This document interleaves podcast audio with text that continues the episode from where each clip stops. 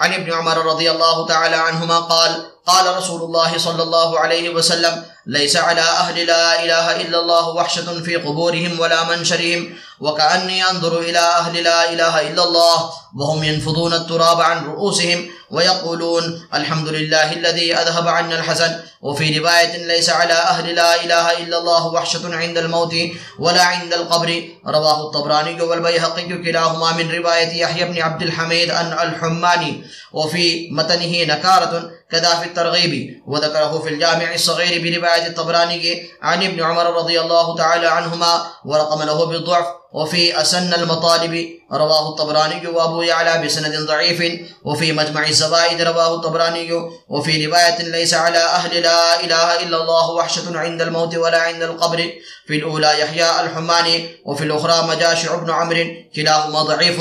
وقال السخاوي في المقاصد الحسنة رواه أبو يعلى والبيهقي في الشعب والطبراني بسند ضعيف عن ابن عمر رضي الله عنهما. قلت وما حكم عليه المنذري بالنكارة؟ مبناه أنه حمل أهل لا إله إلا الله على الظاهر على كل مسلم. ومعلوم أن بعض المسلمين يعذبون في القبر والحشر فيكون الحديث مخالفا للمعروف فيكون منكرا. لكنه إن أريد به المخصوص بهذه الصفة فيكون موافقا للنصوص الكثيرة من القرآن والحديث فالسابقون السابقون أولئك المقربون ومنهم سابق بالخيرات بإذن الله وسبعون ألفا يدخلون الجنة بغير حساب وغير ذلك من الآيات والروايات فالحديث موافق لها لا مخالف فيكون معروفا لا منكرا وذكر السيوطي في الجامع الصغير برواية ابن مردويه والبيهقي في البعث والبيهقي في البعث عن عمر بلفظ سابقنا سابق ومقتصدنا ناج وظالمنا مغفور له ورقم له بالحسن. قلت ويؤيده حديث سبق المفردون المستهدرون في ذكر الله يضع الذكر عنهم أثقالهم فيأتون يوم القيامة خفافا. رواه الترمذي والحاكم عن أبي هريرة والطبراني عن أبي الدرداء. كذا في الجامع ورقم له بالصحة. وفي الاتحاف عن أبي الدرداء موقوفا الذين لا تزال ألسنتهم رطبة من ذكر الله يدخلون يدخلون الجنة وهم يضحكون. وفي الجامع الصغير برواية الحاكم، ورقم له بالصحة السابق والمقتصد يدخلان الجنة بغير حساب، والظالم لنفسه يحاسب حسابا يسيرا، ثم يدخل الجنة. حضور اقدس صلی اللہ علیہ وسلم کا ارشاد ہے کہ لا الہ الا اللہ والوں پر نہ قبروں میں وحشت ہوگی، نہ میدان حشر میں۔ اس وقت گویا وہ منظر میرے سامنے ہے کہ جب وہ اپنے سروں سے مٹی جھاڑتے ہوئے قبروں سے اٹھیں گے اور کہیں گے کہ تمام تعریف اس اللہ کے لیے ہے، جس نے ہم سے ہمیشہ کے لیے رنج و غم دور کر دیا۔ دوسری حدیث میں ہے کہ لا الہ الا اللہ والوں پر نہ موت کے وقت وحشت ہوگی، نہ قبر کے وقت۔ فائدہ، حضرت ابن عباس رضی اللہ عنہما فرماتے ہیں کہ ایک مرتبہ حضرت جبرائیل علیہ السلام حضور اقدس صلی اللہ علیہ وسلم کے پاس تشریف لائے۔ حضور صلی اللہ علیہ وسلم نہایت غمگین تھے۔ حضرت جبرائیل علیہ السلام نے عرض کیا کہ اللہ جل جلالہ نے آپ کو سلام فرمایا ہے اور ارشاد فرمایا کہ آپ کو رنجیدہ اور غمگین دیکھ رہا ہوں، یہ کیا بات ہے؟ حالانکہ حق تعالی شانہ دلوں کے بھید جاننے والے ہیں، لیکن اکرام و اعزاز اور اظہار شرافت کے واسطے اس قسم کے سوال کرائے جاتے تھے۔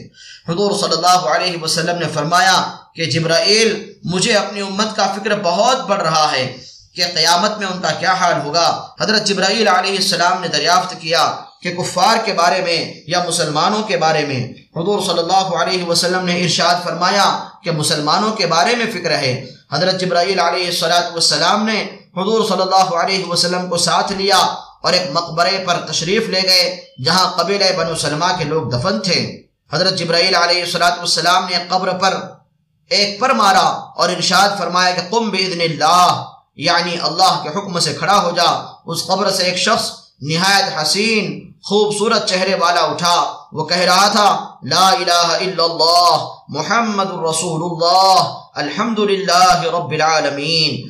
حضرت جبرائیل علیہ السلام نے ارشاد فرمایا کہ اپنی جگہ لوٹ جا، وہ چلا گیا۔ پھر دوسری قبر پر دوسرا پر مارا اور ارشاد فرمایا کہ اللہ کے حکم سے کھڑا ہو جا۔ اس میں سے ایک شخص نہایت بدصورت کالا منہ کیری آنکھوں والا کھڑا ہوا، وہ کہہ رہا تھا، ہائے افسوس، ہائے شرمندگی، ہائے مصیبت۔ پھر حضرت جبرائیل علیہ السلام نے فرمایا، اپنی جگہ لوٹ جا۔ اس کے بعد حضور اقدس صلی اللہ علیہ وسلم سے عرض کیا کہ جس حالت پر یہ لوگ مرتے ہیں، اسی حالت پر اٹھیں گے۔ حدیث بالا میں، لا الہ الا اللہ والوں سے بظاہر وہ لوگ مراد ہیں جن کو اس پاک کلمے کے ساتھ خصوصی لگاؤ، خصوصی مناسبت، خصوصی اشتغال ہو۔ اس لیے کہ جوتوں والا، موتی والا، برف والا وہی شخص کہلاتا ہے جس کے یہاں ان چیزوں کی خصوصی بکری اور خصوصی ذخیرہ موجود ہو۔ اس لیے لا الہ الا اللہ والوں کے ساتھ اس معاملے میں کوئی اشکال نہیں۔ قرآن پاک میں سورہ فاطر میں اس امت کے تین طبقے بیان فرمائے ہیں۔